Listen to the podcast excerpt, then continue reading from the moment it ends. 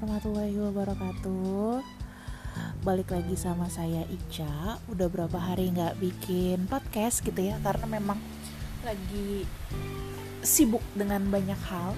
Tapi hari ini kayaknya saya harus bikin podcast lagi. Kenapa? Karena emang banyak banget yang WhatsApp saya dan nge-DM saya gitu ya tentang semakin banyaknya nih kasus corona di Indonesia gitu. Nah, uh, per hari ini per tanggal 12 Maret 2020 dari situs infeksi emergingnya Comcast gitu ya. Aku dapat data bahwa per hari ini ada sudah ada 118.326 kasus yang uh, positif kena corona dan 80.955 kasus dari 118.000 itu ada di Cina gitu ya. Sebenarnya uh, kenaikannya ya, kenaikan dari hari per hari belakangan ini semakin turun gitu ya. Semakin turun gitu karena pada tanggal kemarin aja tuh sampai sekarang gitu naiknya nggak sebanyak hari-hari sebelumnya gitu dan memang kalau kemarin-kemarin saya bilang penduduk Cina itu lebih dari 93% menguasai dari total pasien gitu ya. Sekarang cuma 83,7% yang berasal dari Cina. Artinya apa? Sebenarnya di Wuhan sudah agak apa ya berkurang nih tingkat penambahan kasusnya. Justru yang di luar Cina yang semakin nambah banget kasusnya gitu ya. Kebukti aja di Indonesia gitu ya. Pertama dua per hari ini di Indonesia itu sudah ada 34 kasus yang positif corona di mana satu orang kemarin dikabarkan meninggal ya di rumah sakit Sanglah di Bali. Satu orang yang meninggal itu adalah warga negara asing usia 53 tahun dengan penyakit sebelumnya. Jadi e, berdasarkan berita yang saya baca gitu ya di Line Today dan berdasarkan konferensi pers dari juru bicara penanganan corona itu katanya bahwa memang si wanita 53 tahun ini sudah memiliki penyakit diabetes, terus kemudian penyakit paru paru menahun, punya hipertiroid juga dan hipertensi juga gitu. Jadi memang awalnya kasusnya memang sudah berat gitu ya dan dia datang dengan keadaan sakit berat ditambah infeksi corona yang semakin memperberat penyakitnya gitu. Makanya akhirnya beliau masuk ICU pakai ventilator dan akhirnya meninggal gitu dengan jumlah kasus 34 kasus ya per hari ini gitu ya e, mungkin semakin banyak orang yang akhirnya mulai panik gitu ya. Oke kemarin banyak yang panik gitu ya tapi kan masih dua masih empat gitu ya. Tapi sekarang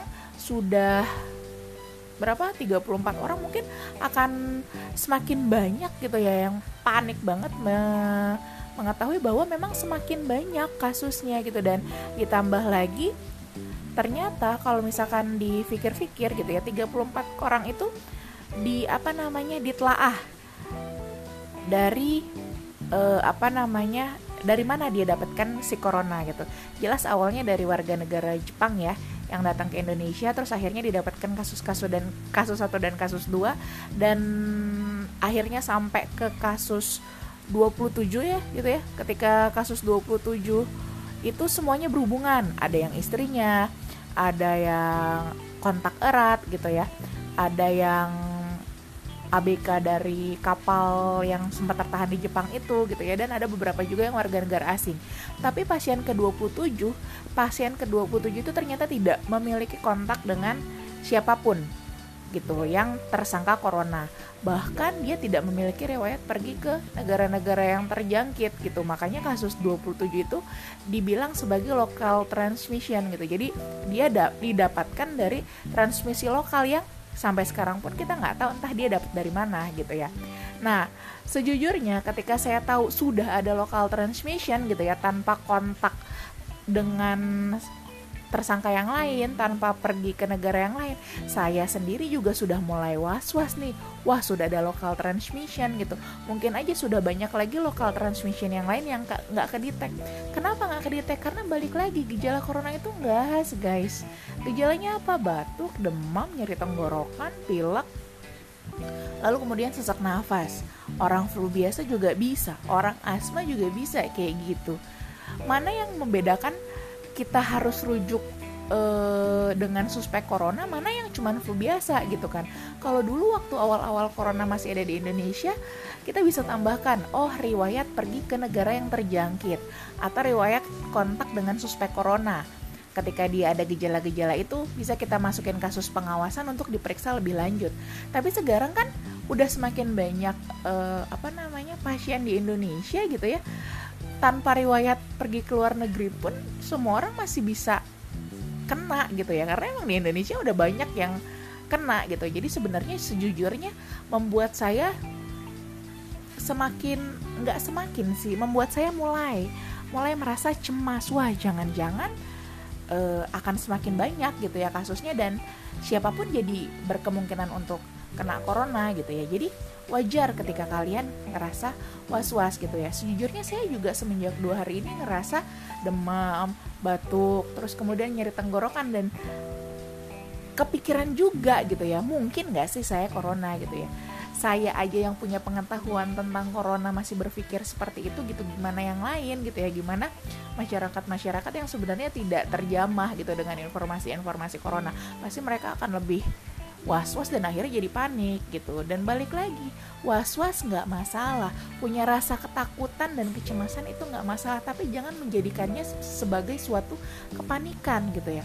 Balik lagi kalau orang udah panik jadi nggak bisa mikir.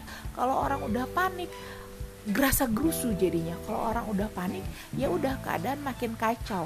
Makin ruwet jadi kayak benang kusut. Nggak bisa di urai satu persatu. Padahal kan kayak saya kemungkinan besar justru saya nggak corona gitu. Kenapa? Saya nggak kontak sama orang corona gitu kan. Jadi mungkin cuma batuk pilek biasa di samping saya kehujanan nih tiap hari gitu kan. Dan mungkin juga itu terjadi sama kalian. Mungkin kalian demam batuk pilek nyeri tenggorokan gitu ya. Mungkin karena kehujanan karena suhu tuhu yang suhu suhu apa namanya suhu suhu yang sekarang dan cuaca yang sekarang berubah drastis gitu ya itu kan menurunkan sistem imun gitu. Jadi mungkin aja akhirnya kita sakit dan kemungkinan besar bukan corona gitu. Jadi jangan memindsetkan kita bahwa kemungkinan besarnya corona. Kita harus memindsetkan diri kita bahwa kemungkinan besarnya bukan corona. Pun ketika memang kita mulai sakit gitu ya ketika kita batuk, pilek, demam ya kita mengisolasikan diri kita aja dulu gitu. Jangan kontak sama yang lain, jangan kerja dulu, jangan sekolah dulu gitu ya. Kita sembuhin diri di, diri kita dulu. Nah, ketika kita sehat kita baru boleh beraktivitas. Kenapa gitu? Ya untuk meminimalisir penularan gitu ya. Penularan apa? Entah dia penularan flu biasa atau penularan corona gitu. Jadi balik lagi Was-was nggak apa-apa, punya rasa ketakutan nggak apa-apa, tapi jangan dibesar-besarkan, jangan didramatisir, jangan dijadikan suatu kepanikan gitu ya. Lah terus apa sih yang harus kita lakukan? Balik lagi, tetap jaga supaya badan kita tetap sehat. Gimana caranya? Satu, makannya, banyakin sayur sama buah dulu lah sekarang. Minum air putih kalau bisa lebih dari 2 liter gitu ya. Hindari makanan-makanan yang bisa mengiritasi tenggorokan, gorengan, terus yang terlalu asam yang terlalu pedas gitu yang merangsang asam lambung juga dikurangin. Terus kemudian minum-minuman yang terlalu manis juga dikurangin juga gitu ya pokoknya merangsang batuk lah dikurangin. Banyakin makan makanan yang bergizi junk food dikurangin dulu. Itu yang pertama makan. Dua olahraga. Kalau sempat tapi disempetin aja. Tiga tidur ya. Tidur ini penting banget guys. Kenapa? Karena ketika tidur kita cukup badan kita yang tadinya capek bisa kembali sehat lagi dan bugar lagi gitu. Bayangin kalau misalkan kita udah capek banget hujanan tidur kita juga makin nggak cukup gitu. Ya udah siap-siap aja buat sakit gitu kan. Jadi tidur juga harus cukup gitu. Dan yang keempat konsumsi suplemen boleh gitu ya. Suplemennya apa sih cah yang bagus? Apa pun mau vitamin C mau imbus mau madu mau habatus sauda terserah. Yang kalian yakini bisa meningkatkan sistem imun apa pun boleh yang kelima berdoa banyak-banyak supaya kita nggak kena corona dan supaya kita tetap sehat. Gitu ya. Yang keenam pikirannya positif terus ya karena pikiran positif itu juga membuat badan kita akhirnya jadi positif dan akhirnya jadi sehat. Bagaimana kalau misalkan kita akhirnya pikirannya negatif takut mulu panik mulu cemas mulu akhirnya badan kita juga secara otomatis jadi tersugesti dan akhirnya jadi ngedrop.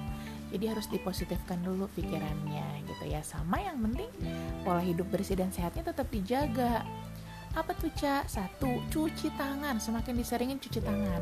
Daripada kalian beli hand sanitizer mahal-mahal gitu ya mendingan kalian bawa sabun cair aja ke mana-mana Kenapa? Karena memang sabun cair itu jauh lebih efektif. Cuci tangan dengan sabun itu jauh-jauh sangat jauh lebih efektif dibandingkan alkohol dan hand sanitizer gitu. Jadi daripada kalian susah nyari hand sanitizer ke mana-mana, mendingan kalian beli di Indomart gitu ya sabun cair yang kecil. Ya udah kalian bawa ke mana-mana. Ketemu air gampang kan? Tinggal bawa sabun ke mana-mana. Sama tisu ya, sama tisu. Jadi ketika dikeringkan eh abis basah dikeringkan buang gitu. Jangan handuk lah ya jangan lap gitu tisu aja yang sekali pakai. Ya nggak go green dong cak nggak apa-apa ya nggak go green dulu yang penting kita sehat dulu. Itu kan cuma tisu aja nggak apa-apa. Gitu. Cuci tangan pakai sabun hindari kontak. Hindari salaman. Sekarang salamannya salaman syari dulu. Jangan sentuhan hindari pelukan cipika cipiki gitu ya. Saya beberapa hari ini ke sekolah murid-muridnya tuh kan emang suka cium tangan cium tangan ya. Ya saya ngajarin mereka supaya untuk sementara jangan cium tangan dulu gitu. Ya udah salaman bersih dekap aja gitu. Salaman syari dulu. Hindari kontak, hindari pergi ke tempat keramaian gitu ya. Karena kan kalau udah rame jarak satu meter aja kita udah banyak sentuhan sama orang gitu ya. Dan barangkali dan ke barangkali aja gitu atau kemungkinan besar banget salah satu dari orang itu positif corona gitu. Jadi tetap kalau bisa uh, kurangi aktivitas di keramaian gitu ya. Padahal saya tadi siang dari mall sore tadi habis ketemu temen di salah satu cafe gitu ya pelajaran buat saya juga. Jadi mulai besok jangan ke mall dulu ke pasarnya dikurangin jangan ke kafe-kafe yang ramai dulu gitu ya. Udah itu aja untuk podcast hari ini tujuannya adalah supaya tidak membuat kita panik gitu ya Parno nggak apa-apa, punya rasa takut nggak apa-apa, tapi jangan didramatisir dan jangan dibesar-besarkan. Tetap hidup sehat, pikirannya yang positif, dan apa lagi ya? Ya dan nanti saksikan uh, podcast saya selanjutnya. Oke, okay, bye. Terima kasih. Semoga bermanfaat. Assalamualaikum warahmatullahi wabarakatuh.